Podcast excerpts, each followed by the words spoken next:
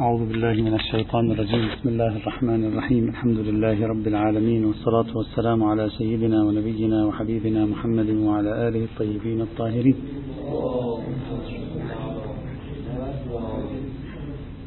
ما زلنا بصدد التعليقات والمداخلات على ما قدمه الطوفي في موضوع نظرية تقدم المصلحة على النص. وهي النظرية التي باتت اليوم يعني تمثل مشكلة من مشاكل الصراع أيضا بين بعض المفكرين العلمانيين المتمايلين للدين وبعض المفكرين الدينيين لأن العلمانيون العلمانيين يحاولون أن يستندوا إلى ما يطرحه الطوفي ليقولوا بأنه يجب علينا أن ننطلق في تشخيص المصالح من عقولنا بدل أن نبقى أسرى النصوص. المداخلة السادسة أعتقد. كانت ما ذكره الشيخ محمد أبو زهرة في كتابيه ابن حنبل ومالك من أن الطوفي مركز نزاعه ليس بين المصلحة والدليل الظني صدورا أو سندا أو صدورا وسندا معا فإن هذا ليس بالشيء الجديد. فقد قبل بعضهم بالتدخل في قبول النص أو قبول دلالته عملا بنظرية المصلحة وهذا شيء موجود قبل الطوفي. فليس هذا هو الذي أراده الطوفي إنما أراد الطوفي النص القطعي السند والدلالة معا. إذا عارض مصلحة فإنه لا يقدم عليها بل تقدم هي عليه. ويكفي هذا في أن نتهم الطوفي بأنه يقدم الاجتهاد على النص. إذا هذا ليس تقديم اجتهاد على النص دلونا على مصداق واحد يا جماعة اسمه تقديم الاجتهاد على النص. نص قطعي السند والدلالة وأنت باجتهادك العقلي ترى أن هذا ليس فيه مصلحة وتريد أن تقدم اجتهادك العقلي على هذا النص. إذا لم يكن هذا اجتهادا في مقابل المصلحة فما هو الاجتهاد في مقابل المصلحة؟ أعطونا مثال الاجتهاد في مقابل المصلحة. بل يمكن الذهاب أكثر في مناقشة الطوفي استكمالا لمناقشة أبو زهرة. السؤال هو لماذا فقد الطوفي الثقة بالنص القطعي السند والدلالة؟ فقد الثقة به لأنه عارض المصلحة التي اكتشفها هو بعقله. أليس من المنطق أيضا أن يفقد ثقته بعقله في اكتشاف المصلحة عندما يرى نصا إلهيا قطعي السند والدلالة على عكسها لماذا هذا الانحياز الطوفي إلى العقل في اكتشافه المصلحة بحيث يواجه نصا قطعي السند والدلالة ولا ينحاز إلى النص قطعي السند والدلالة ويشكك نتيجة وجود هذا النص بتشخيصاته العقلية. هذا أولى. إن لم يكن أولى فلا يصح منه أن يرجح الأول على الثاني. هذا في الحد الأدنى هنا. يعني وكأننا نقول للطوفي نقلب السؤال على الطوفي نقول له أنت قلت عندما يعارض النص القطعي السند والدلالة يعارض مصلحة نفقد الثقة بالنص ونقدم المصلحة على النص. ونفس الكلام نحن نقلبه عليك. لماذا لا نفقد الثقة بتشخيصنا للمصلحة وهذا نص إلهي. قطعي السند والدلالة حسب الادعاء. هذه الملاحظة ملاحظة أن مقصود الطوفي هو النص. قطعي السند والدلالة التي أثارها الشيخ محمد أبو زهرة وتبعه بعد ذلك كثيرون. قد تجد لها وجها. يعني ممكن أن يكون هو فعلا مراد الطوفي هذا مراد الطوفي. والسبب في ذلك أن الطوفي هو بنفسه في أواخر الرسالة يصرح يقول ولا يشتبهن الأمر عليك وتظن أن ما أطرحه هنا هو نفس نظرية مصلحة المرسلة التي قال بها مالك. إنما أتكلم عن شيء يعلو على ذلك عن شيء أعلى من ذلك أوسع من ذلك أهم من ذلك. إذا كان هو هو بنفسه يقول إن ما أطرحه هو فوق ما تطرحه المالكية. ونحن نعرف أن المالكية أحيانا تقبل بتخصيص أخبار الآحاد بالمصلحة. إذا كان الأمر كذلك فبالتأكيد ليس مراده الأخبار الظنية وإنما مراده الأدلة القطعية. هذا يرجح مرجح أن يكون مراد الرجل في مركز التعارض هو النص القطعي السند والقطعي الدلالة. لكن في المقابل قد نشك في أن يكون مراد الطوفي هذا المستوى من المعارضة. يمكن أن نشكك في ذلك. لا نجد في كلام الطوفي أي إشارة لفكرة النص القطعي. يعني وهو يقول بتقدم المصلحة على النص لا نجد رائحة فكرة النص القطعي الدلالة والسند أبدا. تكلم بشكل كلي. لو كان مركز تنازعه مع الآخرين ومركز هدفه هو النص قطعي السند والدلالة متوقع أن يكون هناك شيء نص جملة كلمة يوضح من خلالها أن ما يمتاز به عن الآخرين هو النص قطعي السند والدلالة. أبدا لا نجد شيئا من ذلك. بل على العكس تجده يقول المصلحة إذا عرضت النص صار النص مبهما. معناه النص ليس كأنه ليس بقطعي. كأنما هو ليس بقطعي هذا النص. بل أكثر من ذلك وأنا أناقش الشيخ محمد أبو زهرة في اتهامه الطوفي بأنه يتكلم عن النص قطعي السند والدلالة بل يوجد للطوفي بنفسه نص يشرح لنا نظريته أكثر ولعل الشيخ محمد أبو زهرة لم يقرأ هذا النص. لعله لم يقرأ هذا النص لأن رسالة الطوفي فيها نسختين على ما يبدو. ماذا يقول الطوفي؟ خلينا ندقق في نص الطوفي جيدا. يقول وأما النص فهو إما متواتر أو آحاد. هذا في في رسالته. وعلى التقديرين فهو إما صريح في الحكم أو محتمل. ممتاز. فإن كان متواترا صريحا يعني هم متواتر هذا على مستوى السند وهم صريح على مستوى الدلالة. فهو قاطع يعني نص قاطع من جهة متنه ودلالته. هكذا يوصفه. ولكن قد يكون محتملا من جهة عموم أو إطلاق. يعني دلالته قطعية لكن حيثية الإطلاق في دلالته ربما لا تكون قطعية. فالطوفي تصور نصا متواترا صريحا قطعي السند قطعي الدلالة. ومع ذلك قال محتمل هذا قطعي الدلالة في ناحية من النواحي وهي ناحية الإطلاق والعموم لا يكون قطعيا. يقول لكن قد يكون محتملا من جهة عموم أو إطلاق. وذلك أي احتماليته احتمال أنه لا يراد عمومه لا يراد إطلاقه وذلك يقدح في كونه قاطعا مطلقا. لا يعد نص قاطع. في البداية نحن لاحظناه أنه نص قاطع لأنه متواتر صريح.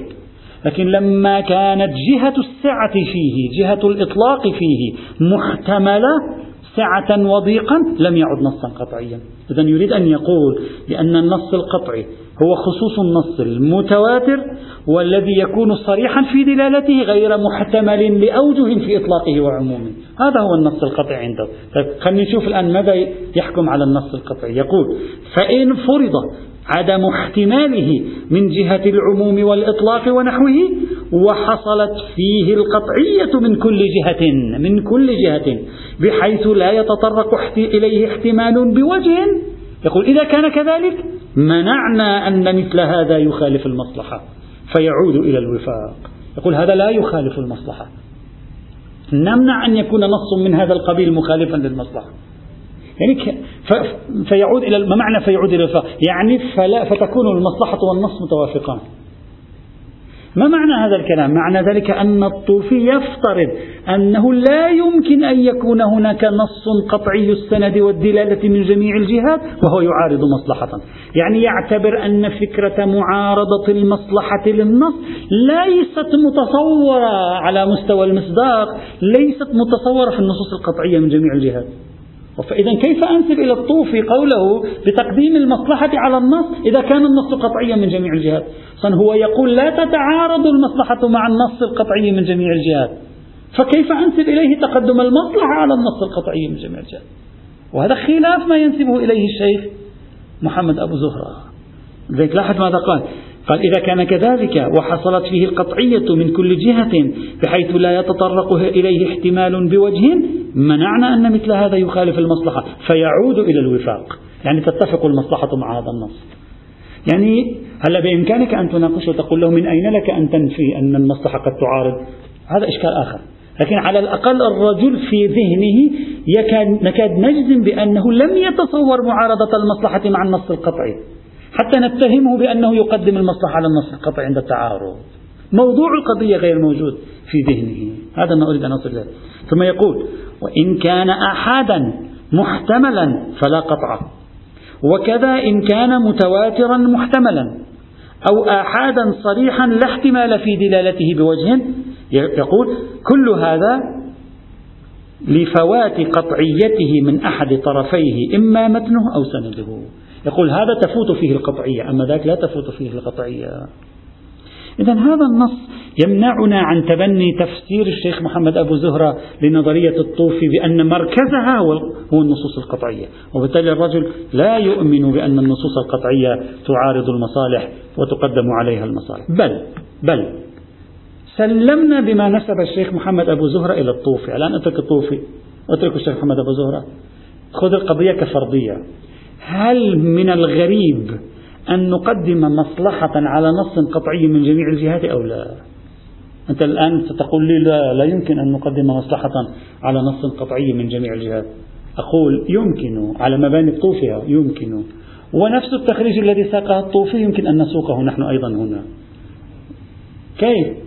قل عندما تقول بأن الأحكام مبنية على المصالح وتقول بأن المصالح هي عبارة عن المقاصد أو هي عبارة عن الطرق إلى المقاصد. هذا كله قاله الطوفي. وتقول إن المقاصد مقدمة على الوسائل. هذا كله قاله الطوفي. وتقول حديث لا ضرر مقدم على جميع الأدلة الأولية. هذا أيضا قاله الطوفي. إذا قلت ذلك تصور الآن معي أنك شخصت مصلحة. ثم عارضت هذه المصلحة نصا قطعيا من جميع الجهات. ما معنى ذلك؟ معنى ذلك أن هذا النص قبل المعارضة هو في ذهنك قطعي. لكن بعد المعارضة لم يكن قطعيا. وبالتالي إذا سميناه نصا قطعيا من جميع الجهات فيجب أن نصحح العبارة ونقول النص القطعي من جميع الجهات لولا المعارضة ما حكمه عند المعارضة؟ يعني لولا المعارضة هو قطعي من جميع الجهات. لكن لما عارض المصلحة والمفروض أن المصلحة هي المقاصد والمقاصد مقدمة على الوسائل ولا يعقل أن الشريعة تحكم بما ينافي المصلحة في مثل هذه الحال أشك في دلالة النص. يعني الطوفي بشكل تلقائي سوف يشك في إطلاق الدلالة في النص. لماذا؟ لأنه سوف يقول هذا النص يعارض المصلحة. ولا يعقل أن النصوص تعارض المصالح لأن النصوص مبنية على المصالح. على مبناه هو. وإذا كانت مبنية على المصالح فهذا يحدث في ذهن شكا في إطلاق النص. بعبارة أخرى الطوفي اعتبر أن خاصرة النصوص رخوة حسب تعبيرنا. نقول له خاصرة رخوة. يعني اعتبر أن النصوص أقدر أو أكثر قابلية على أن تسدد إليها ضربة. تحتمل أن لا تريد الإطلاق. ولو باحتمال واحد بالألف بمجرد مجيء المصلحة ينهار قاطعية الإطلاق. هذا ما يقوله الهرمنوطقيون أيضا وهذا ما يقوله أيضا كثير من الأصوليين. أنت للوهلة الأولى ترى النص قطعيا لكن بمجرد أن ترى مقابله معارضا ما ينهار تنهار قطعية الدلالة في النص. قد لا تنهار قطعية السند تنهار قطعية الدلالة في النص. هذا ممكن ومتصور. ثم يمكن أن نقول للشيخ أبو زهرة حينئذ ونحن ندافع عن الطوفي. إذا قبلت مباني الطوفي ونحن ندافع عن الطوفي. أنت قلت يمكن لنا أن نطيح بحديث إذا كان متنه شاذا. وقلت لنا بأن شذوذ المتن أحد أوجهه معارضته للمصلحة الشرعية. قال إذا كنت يا شيخي العزيز مستعدا أن تطيح بنص لأن متنه شاذ معارض للمصلحة. قل لماذا لا تسمح للطوفي أن يقول أنا بت أشك في صدور نص قطعي إذا كان معارضا للمصلحة. أشك في صدوره يعني تصور معي أنت الآن عندنا حديث في عشرة آلاف سند مثلا في مئة سند ويقول هذا الحديث كل يوم صباحا عليك بقتل مسلم بريء. ثم أنت تنظر في جميع المصالح النوعية التي جاءت بها الشريعة وتشكل مقاصد للشريعة تقول هذا يا أخي غير معقول. وهذا نص شاذ المتن. إذا كان نص ظني شاذ المتن معارضته للمصلحة المقصدية أوجب أن نطيح به من رأس. فأي إشكال في نص قطعي السند؟ نطيح بإطلاقه إذا عارض مصلحة. نفس الميكانيزم عم نطبقها في نفس المكان. لماذا الاستغراب من كلام الطوفي. ليس هناك من غرابة أبدا. نعم. لك أن تستغرب من كلام الطوفي وتقول له لماذا جعلت خاصرة النصوص رخوة ولم تجعل خاصرة العقل رخوة؟ نعم هذا تأتي بحثه هذا إشكال ثاني. لماذا رجحت النص المصلحة على النص ولم ترجح النص على المصلحة أو لم تقل بتساقطهما؟ لماذا؟ لماذا دائما استعجلت في توجيه ضربة إلى النص والتشكيك في قاطعيته مع أن المصلحة عندك ليست قطعية. أنت قلت المصلحة هي علم عادي أو هي ظنون والظن معتبر في الفروع. هذا التمييز يعني ما السبب الذي يدفع الطوفي عند تعارض المصلحة مع النص القطعي؟ لو قال به. لماذا لا يقدم النص القطعي على المصلحة؟ لماذا لا يشك, يشك في المصلحة؟ هذا إشكال آخر. أما أن نقول الطوفي ارتكب فاجعة وارتكب شنيعة عندما قال أنا أقدم المصلحة على النص القطعي لا يمكن تصوره لأن النص القطعي قطعي لولا المعارضة بعد المعارضة لا يعود عند الطوفي قطعيا فلا يقدم في الحقيقة هو نصا قطعيا آه، مصلحة على نص قطعي وإنما يقدم مصلحة على نص غير قطعي كان قطعيا قبل المعارضة مع المصلحة وهذا فنيا لا بأس به ليس فيه إشكال أصلا. والحاصل أن ما ذكره الشيخ محمد أبو زهرة مما نسبه إلى الطوفي في معارضة النص القطعي غير دقيق على مستوى الإثبات التاريخي ولو صح فهو منسجم مع نظرية الطوفي ليس شيئا شنيعا على على معايير الطوفي. نعم سنبحث في معايير الطوفي.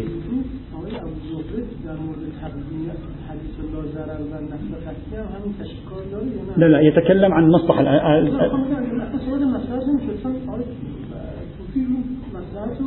مستند به ضرر میکنه. حالا مثلا ما مسئله حذف میکردیم.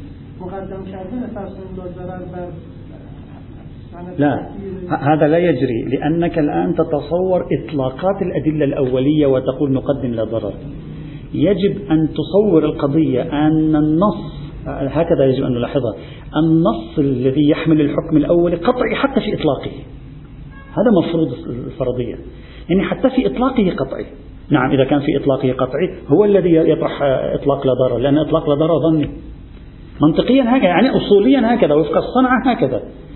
مفروضنا أن الأدلة الأولية التي يراد أن يحكم عليها بلا ضرر إطلاقية يعني نتدخل في إطلاقها. ولذلك الأصوليون والفقهاء ما قبلوا أن يكون حديث لا ضرر موجب لطرح العقوبات في الإسلام. لأن لا يمكن. يعني كأنك عم تعارض يقين. ما عم تعارض ظن في ظن. هذه هي النكتة إذا هذه الإشكالية ليست صحيحة لا إثباتا جزئيا خارجيا ولا أصلا يصلح أن نصور الطوفي على أنه كارثة إذا قال هذا الكلام. لا ليس كارثة. يمكن تخريجه لو صحت أصوله. لا بأس. هلأ شوية مخيف؟ لا بأس ولكنه وفق الصنعة الأصولية لا بأس به. يمكن تخريجه. الإشكالية السابعة. اتهم الطوفي قيل وهذا هذه الفكرة أيضا طرحها الشيخ محمد أبو زهرة وتبعه آخرون. قال الشيخ محمد أبو زهرة بأن الطوفي أخذ أو التقى في فكرته هذه مع الشيعة. طبعا أنا لا أبحث لا أريد أن أبحث هل هو التقى مع الشيعة ما التقى مع الشيعة هل هذه تهمة أو, أو ليست تهمة ليس بحثنا. نحن تحدثنا عن هذا الموضوع لا نريد نبحث تاريخيا هنا. لكن النقطة التي قالها هذه مهمة. قالها أبو زهرة هكذا. قال الشيعة يقولون بالنسخ والتخصيص للشريعة المحمدية بعد وفاة النبي صلى الله عليه وعلى آله وسلم. هكذا قال. قال الشيعة يقولون بنسخ الشريعة وتخصيصها بعد النبي. يعني الشريعة صدرت عند النبي القرآن السنة النبوية بعد النبي الشيعة يخصصون ما صدر من النبي ومن القرآن ما عندهم مشكلة. وينسخون ما صدر من النبي ومن القرآن ما عندهم مشكلة. لماذا؟ قال يخصصونه. وينسخونه بالاجتهاد الثابت لأئمتهم القائم على علومهم. طيب. ثم قال قال والطوفي لاحظ معي والطوفي أيضا خصص الشريعة بالمصلحة بعد زمن النبي. ما أنت الآن أنت الطوفي بال 716 عم يخصصها الآن. الآن يريد أن يخصص المصلحة النص بالمصلحة فأنت الآن تريد أن تخصص النص المصلحة بالنص بعد وفاة النبي. بل إذا قال الطوفي أنا أطرح أخبار الآحاد مثلا أو أطرح الرواية إذا كانت برمتها معارضة للمصلحة فهذا يكون نسخ أيضا وينسخ. فإذا سجل, سجل أبو زهرة إشكال من جهتين. من جهة قال قال ما فكرة الشيعة إثبات التخصيص والنسخ بعد وفاة النبي بالاجتهاد. وهذه هي نفس فكرة الطوفي إثبات التخصيص بالاجتهاد اللي هو المصلحة المصلحة اجتهاد بالاجتهاد العقلي بعد النبي. فكلاهما يشتركان في نسخ كلي للشريعة لحكم شرعي أو نسخ جزئي لحكم شرعي بعد وفاة النبي وهذا مرفوض جملة وتفصيلا. لا يقبل أحد من المسلمين أن شريعة النبي نحن نقوم بنسخها بعد وفاة النبي أو نحن نقوم بتخصيصها نحن نحن نقوم مش النبي يقوم. نحن نقوم بتخصيصها بعد وفاة النبي. ومن من المسلمين يمكن أن يقبل ذلك؟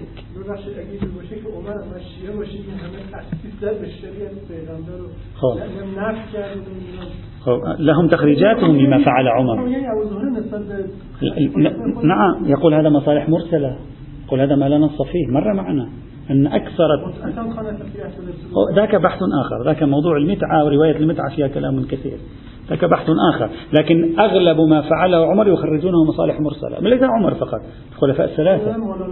يقول ما لا نص فيه. جمع القرآن لا نص فيه. الفلان الفلاني لا نص فيه إلى آخره. هكذا. هكذا يعتبرون وبعبارة أخرى كما عبر بعض أيضا تلا يعني بعض تلامذة الشيخ محمد أبو زهرة إن نظرية الطوفي وهذا هو نقطة الخطر التي يريدون أن يسجلوها على الطوفي نظرية الطوفي تفتح باب نسخ الشريعة بغير النبي نفسه. يعني هذه النقطة الخلل وبعبارتنا اليوم نظرية الطوفي توجب أننا نحن البشر نقوم بتجميد الشريعة لا الشريعة تجمد نفسها. وهذا معنى النسخ. وهذا ما يقوله العلماني اليوم. بعض العلمانيين يستندون إلى كلام الطوفي. اليوم اليوم. بعض العلمانيين يستندون إلى كلام الطوفي ويقولون أصلا هذه الشريعة يجب تجميدها لأنها صارت على خلاف المصلحة ونحن نروح نشرع أحكام من عندنا. فكلام الطوفي سيجرنا إلى هذا المكان. وكلام الطوفي سيجرنا إلى التلاعب بالشريعة نسخ الشريعة تخصيص الشريعة بغير الشريعة. هذا هو إشكالهم. يعني تصورهم أن التخصيص والنسخ كان بدليل من خارج الشريعة لا بدليل من داخل الشريعة. هكذا صوروا هذا الإشكال عليه. طبعا هنا لا, لا يهمنا أن نتحدث ما هو مذهب الطوفي هل الطوفي أخذه من الشيعة وما أخذه من الشيعة هذه فكرة تاريخية لا, لا علاقة لنا بها. لكن سأكشف عن أن أبو زهرة أخطأ في, في ناحيتين في كل هذه المقاربة التي قالها وبالتالي هذه المقاربة النقدية كلها أصلا يعني ما كان ينبغي أن تسجل أصلا. أما على مستوى الشيعة الشيعة لا يقولون بتخصيص الشريعة النبوية الشريعة الإسلامية بالاجتهاد بعد عصر النص. أساس هذا الكلام من أوله غير دقيق. ويبدو أن الشيخ أبو محمد أبو زهرة الذي كتب كتابا في تحت عنوان الشيخ تحت عنوان الإمام جعفر بن محمد الصادق يبدو أنه لم يلتفت إلى النصوص الأصلية الشيعية في كيف تفهم الشيعة دور الأئمة. هذا لم لم يدرك الظاهر الشيخ محمد أبو زهرة بشكل واضح كيف يفهم الشيعة ويتصور دور الأئمة في موضوع الشريعة. فإن الشيعة منقسمون إلى فريقين في هذا الموضوع من صرح منهم على الأقل منقسم إلى فريقين. فريق يقول أصلا الأئمة لا يخصصون ولا يقيدون ولا ينسخون ولا يفعلون أي شيء.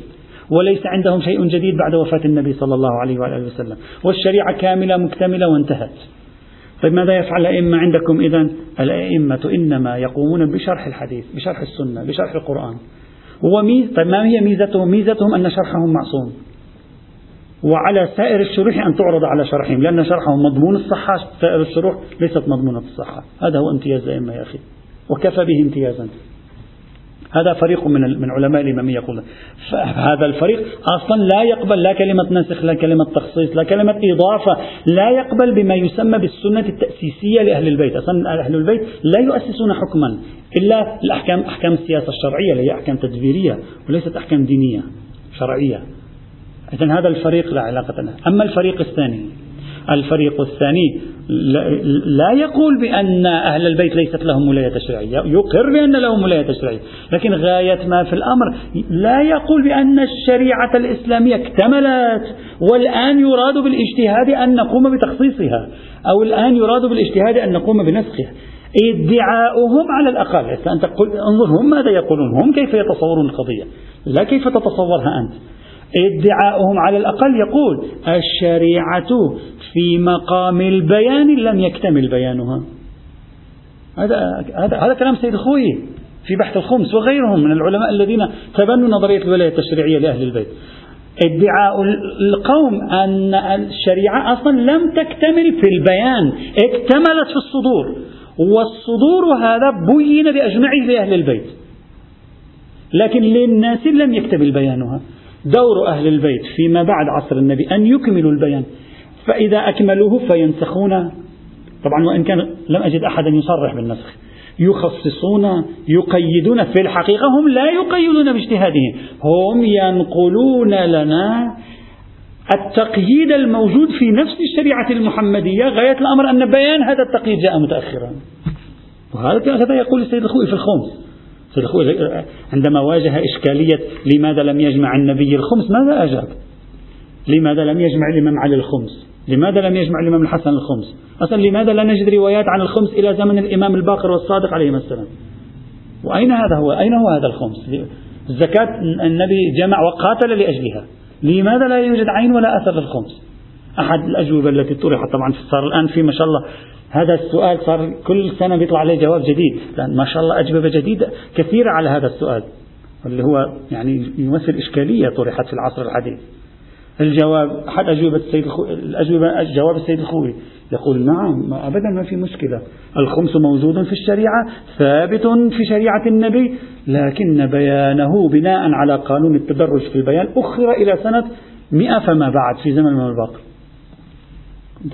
يعني تصور معي بحسب تعبير إنسان 250 سنة تصور معي إنسان واحد عمره 250 سنة هو الآن خصص. ثم إذا النبي أنت قبلت منه أن يخصص في السنة السابعة ما كان قد عممه في السنة الثانية وهذا نفس الشيء. ما هم يعتبرونهم نور واحد وبالتالي هذا التخصيص ليس شيئا جديد تأخير في البيان. لا إحداث تخصيص بالاجتهاد بعد اكتمال البيان واكتمال الشريعة. إذا خطأ أبو زهرة على القائلين بالولاية التشريعية لأهل البيت عليهم السلام على الرافضين للولاية التشريعية لأهل البيت كما هو الصحيح وبحثنا هذه النظرية مفصلا في كتاب حجية السنة. على التقديرين لا يصح ما قاله أبو زهر الشيعة لا يقولون بنسخ أو تخصيص الشريعة التي اكتملت بيانا وصدورا باجتهاد من أهل البيت عليهم السلام. لا أحد يقول منهم نعم ممكن يكون في بعض الشخصيات هنا وهناك قالت بذلك لا أدري. لكن ما هو مرسوم عند الشيعة ليس كذلك. فإذا أول خطأين هو خطأ فهم محمد أبو زهرة لدور أهل البيت التشريعي بعد عصر آه، النص النبوي. هذا أول خطأ. الخطأ الثاني فهمه لفكرة الطوفي. يا أخي متى لماذا هذه الحملة على الطوفي؟ فنحن بينا حتى الآن أننا مع الطوفي. يعني لا أدري لماذا هذه الحملة الرهيبة على هذا الرجل. ما, ما رحموه وهم يتأملون مراده. أين قال الرجل أنا أنسخ الشريعة باجتهادي وبالمصلحة؟ الرجل صرح. قال أنا أشخص المصلحة في الخارج فأستعين بحديث لا ضرر أو أستعين بقاعدة المقاصد وأسقطها على الحديث. أنا أنا يا أخي أنتم من جهة أشكلتم عليه قلتم له هذا ليس تخصيص المصلحة بالنص هذا تخصيص النص للنص. ومن جهة ثانية قلتم له هذا نسخ من خارج النص للنص. ما عرفنا أنتم ماذا تريدون من الرجل. في الإشكال الأول إذا تذكرون إذا الإخوة يذكرون. هكذا أشكلوا على الطوفي قالوا له هذا ليس تخصيصا بالمصلحة بالنص هذا تخصيص النص بالنص تخصيص النصوص بحديث لا ضرر. ثم هنا الآن يقولون له أنت تخصص وتنسخ النصوص بما هو خارج النصوص. الرجل يصرح يعني لو ما كان يصرح كنا قلنا. الرجل يصرح ومرارا وتكرارا. وأصلا هو كتب هذه الرسالة تحت حديث لا ضرر. ومجددا تقولون له أنت تؤمن بنسخ الشريعة بالاجتهاد وتؤمن بتخصيص الشريعة بالاجتهاد؟ خارج النص. لا أعرف لماذا هذا الإصرار على تفسير كلام الرجل بكل هذه القسوة وبكل هذا الشذوذ في التفسير.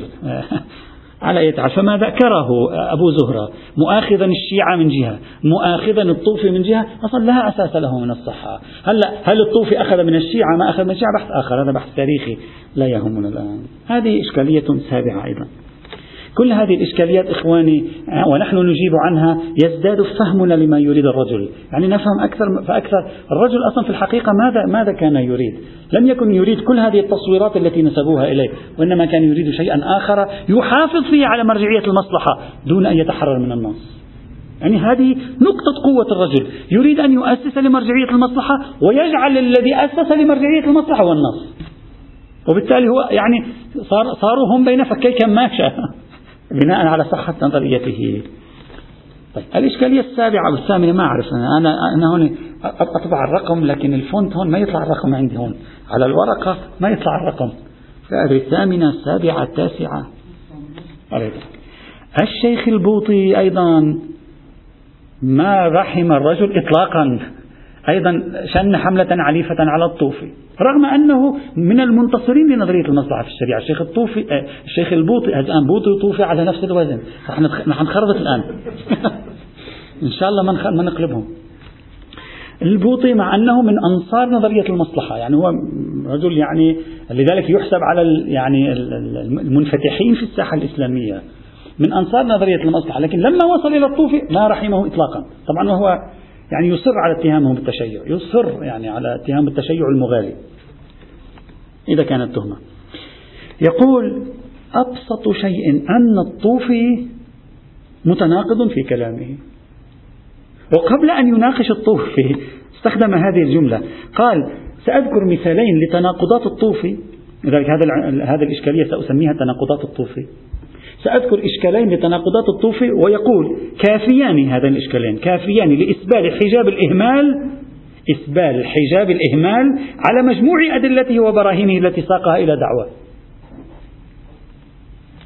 يعني إذا اكتشفنا التناقضين الموجودين في طرح الطوفي سنكتفي أصلا لا ليس هناك حاجة تكمل تقرأ لا تتعب حالك تقرأ. خلاص اترك روح استفيد من وقتك بعد شيء آخر.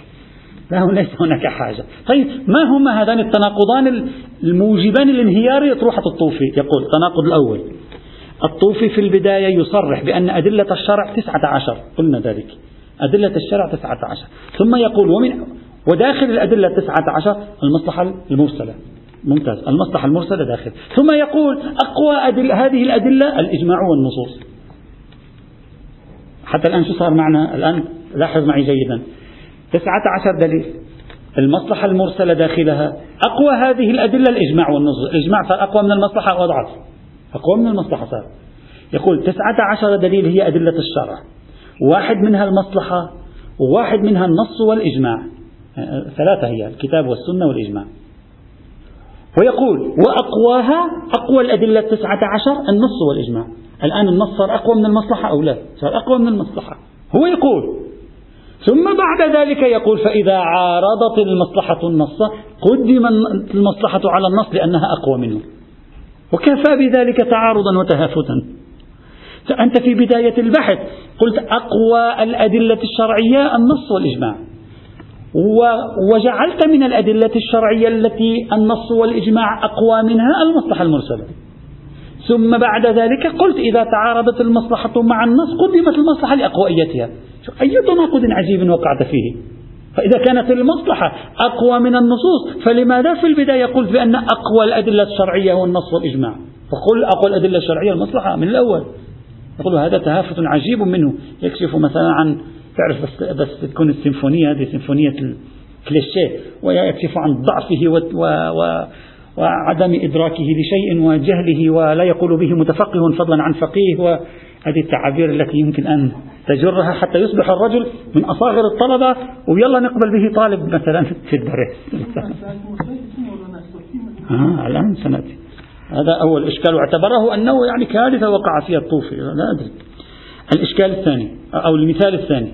قال أنت فسرت حديث لا ضرر لأن معناه لا يلحق الضرر شرعا. هكذا هذه عبارة الطوفي فعلا. يقول حديث لا ضرر ينفي الضرر شرعا إلا بموجب خاص مخصص. هذا كلام الطوفي. يقول حديث نفي الضرر ينفي الضرر شرعا إلا بموجب خاص مخصص. هذا كلام الطوفي.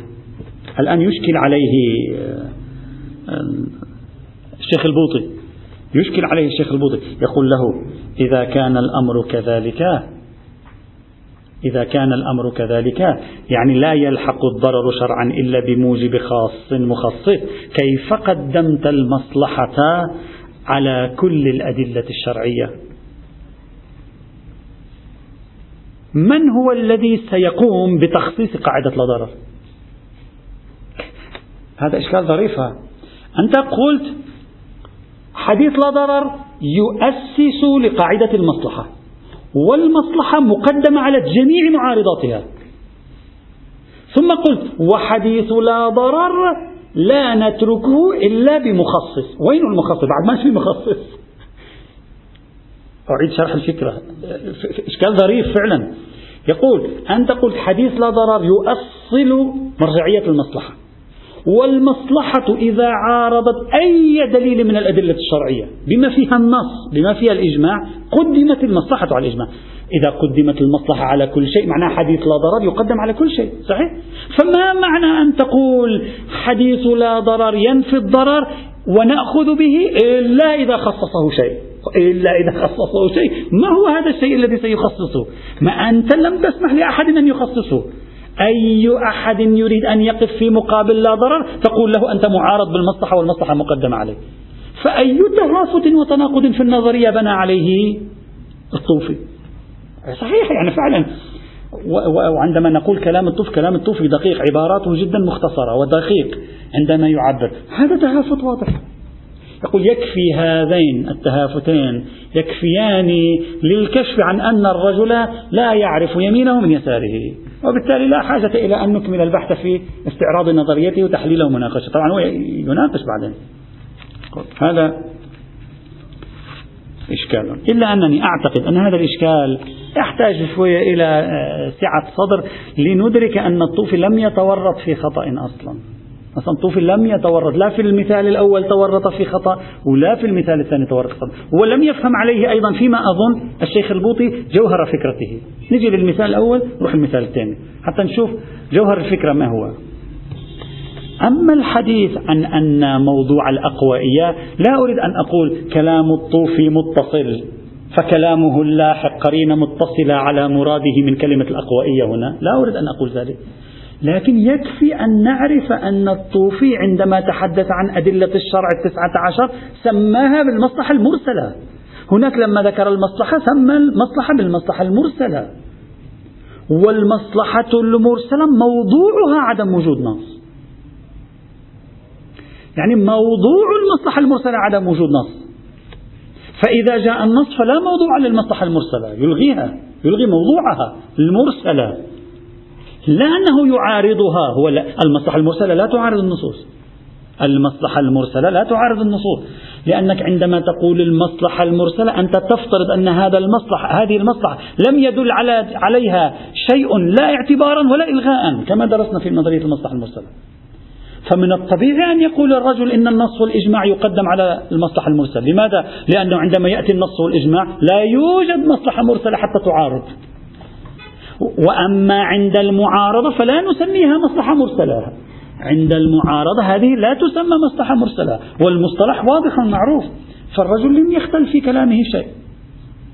إذا كما أفاد جناب الشيخ المصلحة المرسلة موضوعها عدم النص. لذلك قال بأن أقوى الأدلة هو النص والإجماع. لأنه إذا جاء النص والإجماع لا موضوع للمصلحة المرسلة. إن عدمت ورودا بحسب الاصطلاح فتنفى. وهذا غير المصلحة التي إذا عارضت النص تقدم على النص هذه لا تسمى مصلحة مرسلة هذه مصلحة معتبرة عند الطوفي. هذا بالنسبة للمثال الأول. وهذا إشكالية لفظية على أي حال المثال الأول. أما المثال الثاني وهو الأهم بالنسبة إلينا. فأعتقد بأنه لا يوجد أي تهافت على الإطلاق في كلام الطوفي. ولو أن الشيخ البوطي رحمه الله كان قد اطلع على أصول الفقه الإمامي لفهم مراد الطوفي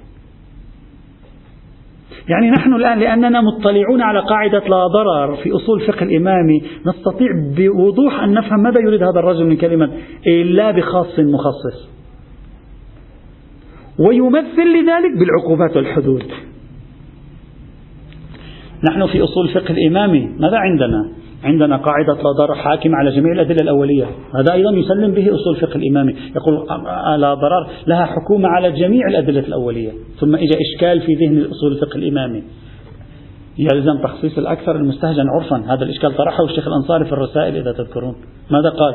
قال إذا كان حديث لا ضرر ينفي الضرر في جميع الأحكام الشرعية يجب أن نخرج منه بالتخصيص الخمس. لأنها ضرر. والزكاة لأنها ضرر. والجهاد لأن فيه ضرر ضرر بمعنى نقص الأطراف ونقص البدن ونقص المال و و والحدود ضرر. والعقوبات كلها أصلا ضرر والقصاص ضرر كل هذه ضرر. النفقة على الرجل في البيت ضرر. ويخرج مال من جيبه. كل هذه ضرر. فإذا كان حديث لا ضرر حاكم على جميع الأدلة الأولية يلزم هذه كلها تبطل. وحيث إنه غير معقول فهذه أدلتها تخصص حديث لا ضرر. طيب عندما أرادوا أن يحلوا هذه المشكلة كيف يكون هو حاكم على جميع الأدلة الأولية؟ وفي نفس الوقت هو قابل للتخصيص. قالوا هنا انتبه. وهذا هو مراد الطوفي. قالوا إن الأحكام الشرعية على نوعين. أحكام هي بطبعها ضررية ليس لها صورة غير ضررية. وأحكام لها صورة ضررية وصورة غير ضررية. الوضوء الصلاة هذه ليس فيها صورة ضررية هذه ليست ضررية هذه فيها صورة ضررية وصورة غير ضررية. لكن العقوبات كل صورتها كلها ضررية. فقالوا حديث لا ضرر عندما نقول حاكم على جميع الأدلة يعني يقيد إطلاقات جميع الأدلة الشرعية. يخرج منها صورة الضرر. أما تلك الأحكام التي هي في روحها ضررية فهذه أدلتها تقيد لا ضرر. وبهكذا نجمع بين الأدلة. وبالضبط هذا ما قاله الطوفي. سبحان الله حتى كلمة جمع بين الأدلة استخدمها الطوفي. يعني إذا حقيقة نريد أن نفكر الطوفي واحد من أقدم الذين بحثوا قاعدة لا ضرر بجدارة. حقيقة. لأن الإشارات التي أثارها في قاعدة لا ضرر ظهرت في الفكر الشيعي في القرن الحادي عشر أصلا بقوة. والثاني عشر. رغم أنه أشار إليها إشارة. فالرجل أدرك أن علاقة حديث لا ضرر بسائر الأحكام الأولية علاقة حكومة تقريبا. وعلاقة حديث لا ضرر بالأحكام الضررية علاقة تخصيص. يعني تلك تخصصه وهو حاكم على البقية. هذه العلاقة الثلاثية الأطراف هي التي أراد أن يشرحها الطوفي. ولذلك ماذا قال؟ قال يفيد نفي الضرر إلا بدليل خاص مخصص. يعني بده يكون دليل خاص في الضرر مثل العقوبات. ويخصص حديث لا ضرر. وكلامه يصبح منسجم حينئذ. ما في أي إشكال. نعم. يوجد هنا إشكال على الطوفي ما كان ينبغي يعني أن أن يقع فيه. وهو الطوفي الشيعة علماء أصول الفقه الإمامي فسروا الضرر بنقص الأطراف. فصح لهم هذه العملية ثلاثية الأطراف. حديث لا ضرر إطلاقات الأدلة الأولية أدلة الأحكام الضررية صح لهم أن يفعلوا هذه العلاقة الثلاثية في الموضوع. أما حيث إن الطوفي فسر حديث لا ضرر بنفي المفسدة وإثبات المصلحة. حينئذ لا يوجد عندي أنا دليل خاص يخصص لضرر يعني يثبت المفسدة يدل على وجوب المفسدة بعنوانها. لن يعود هناك وجود. يعني كي الإشكال الحقيقي على الطوفي في ذلك. كيف جمع بين تفسيره لحديث لا ضرر بالمصلحة والمفسدة وبين تصوره تخصيص حديث لا ضرر؟ لأن تخصيص حديث لا ضرر معناه أن هناك أحكام شرعية فيها مفسدة. أصلا دل أصلا أحكام مفسدية مثل أحكام ضررية كالعقوبات أحكام مفسدية وهذا غير معقول لأنه لا يمكن أن يكون في الشريعة أحكام مفسدية حتى تجي تخصص حديث لا ضرر. كيف؟ والشريعة بنيت على المصالح بإقرار الطوف. نعم هذا إشكال يرد على الطوف. هذا إشكال في تقديري يرد على الطوفي أما إشكال البوطي على الطوفي أنك تقول بأن حديث لا ضرر مقدم على جميع الأدلة ثم بعد ذلك تصور لي أن هناك تخصيصا لحديث لا ضرر فهذا تهافت وتناقض في النظرية لا ليس صحيحا. بالعكس كلامه تام مئة بالمئة. لكن جمعه بين تفسير الحديث لا ضرر. وبين هذه الفكرة لن يعود تاما. وبالتالي ما زال الطوفي هنا قد وقع في مشكلة. يجب عليه أن يحلها. عليه أن يحذف كلمة إلا خاص إلا بدليل خاص مخصص وبهذا يتبين أن الطوفي لم يتورط في أي خطأ لا في المورد الأول ولا في المورد الثاني باستثناء هذه الإشكالية. إشكالية تفسير حديث لا ضرر وانسجام تفسير حديث لا ضرر مع قضية التخصيص. الإشكالية العاشرة تقريبا من الآن سنبدأ بإشكالياتنا الأساسية. تقريبا إشكالية التاسعة أو العاشرة مدايات صحة تمييز الطوفي في نظريته بين العبادات والمعاملات ما هو الوجه في هذا. هل يوجد وجه معقول أنه في نظريته فصلنا بين العبادات والمعاملات أو لا؟ يأتي إن شاء الله تعالى. الحمد لله رب العالمين.